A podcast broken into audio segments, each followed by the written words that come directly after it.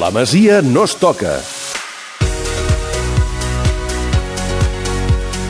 Un quart i mig de nou del vespre, temps per la Masia, amb un apunt d'actualitat, Marc, perquè el Barça té una missió, Barça B, té una missió pràcticament impossible, diumenge al camp de la Cultural, intentar aixecar el 0-2 del miniestadi i pujar directament a segona divisió. Diumenge a les eh, 7 de la tarda, mm, Gerard López eh, ha parlat explicant eh, que, exacte, com dius tu, és una missió complicada, però no ho veuen impossible. De fet, eh, es basen molt i s'agafen molt al, al partit d'anada de, del playoff perquè consideren que va ser un bon partit, que només els va faltar encert de cara a porteria, que la cultural leonesa va marcar dos gols gairebé sense tenir oportunitats, però evidentment eh, reconeixen que és un molt bon equip. De fet, Gerard eh, ha dit que el Barça B i la Cultural són els dos millors equips eh, de la categoria.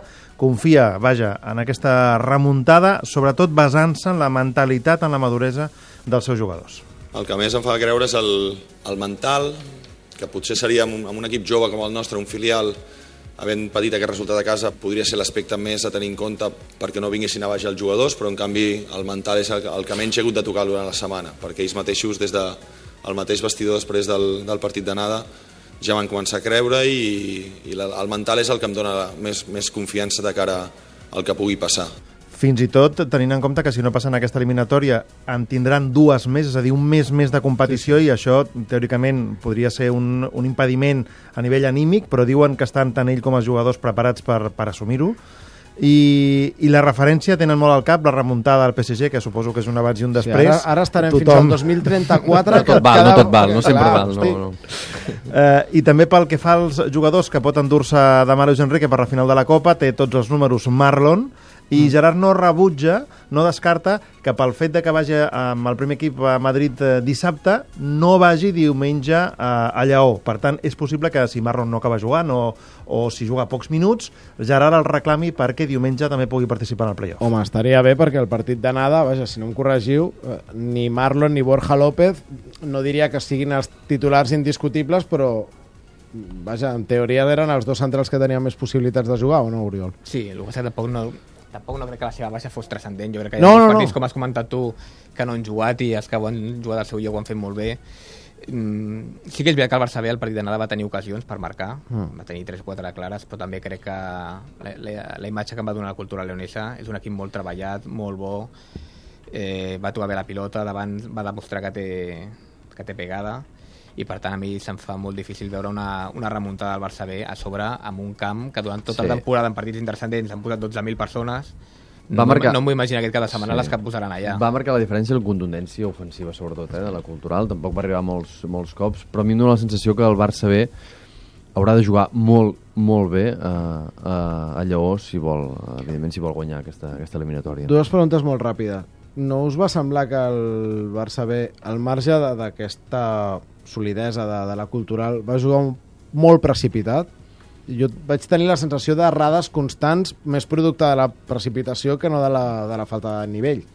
Jo penso que errors tècnics, en molts moments tècnics, eh, impropis d'un equip... Eh, estic bastant d'acord amb Gerard López, que són, jo crec, els dos millors equips de la, de la categoria, probablement víctima de l'acceleració d'un playoff, del mini, en un ambient que no l'han vist en tot l'any com, com estava eh, allà. Jo, jo penso que els jugadors en aquests primers minuts sí que es van eh, trobar una mica diferents davant d'una cultural molt ben posada, sense perdre... A mi la cultural em va agradar perquè no va perdre l'ordre en tot el partit, i el Barça B se'ls veia com, sí, més accelerats, eh, potser doncs, amb, aquest, amb aquest punt de desordre que va ser que al final doncs, es decantés la balança cap a l'altre costat. jo crec que hi havia un punt d'angoixa de que s'havia parlat molt inclús internament de que el gran equip, el gran rival a batre la cultura leonesa, que era el que els hi va tocar i que s'havia de treure un bon resultat a casa per no, per no patir a lleó. Jo crec que sí que és veritat que des del primer minut van anar amb una marxa més potser de la que tocava. La idea peregrina que tinc jo i que tothom em diu, que dius burro, de no amoïnar-se gaire per aquest partit de tornada i pensar en, els, en aquestes dues eliminatòries que tens a, a la màniga és efectivament peregrina? Té algun sentit Home, això jo, que jo, dic? jo, jo crec que mentre estàs viu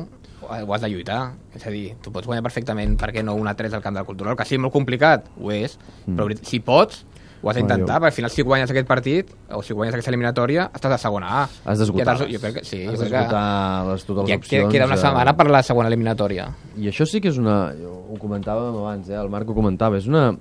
Sí que hi ha una segona oportunitat i fins i tot una tercera, però pels jugadors, eh, molts jugadors a dintre, a dintre el seu cap era fer aquesta eliminatòria, eh, guanyar-la, mm, ascens i vacances.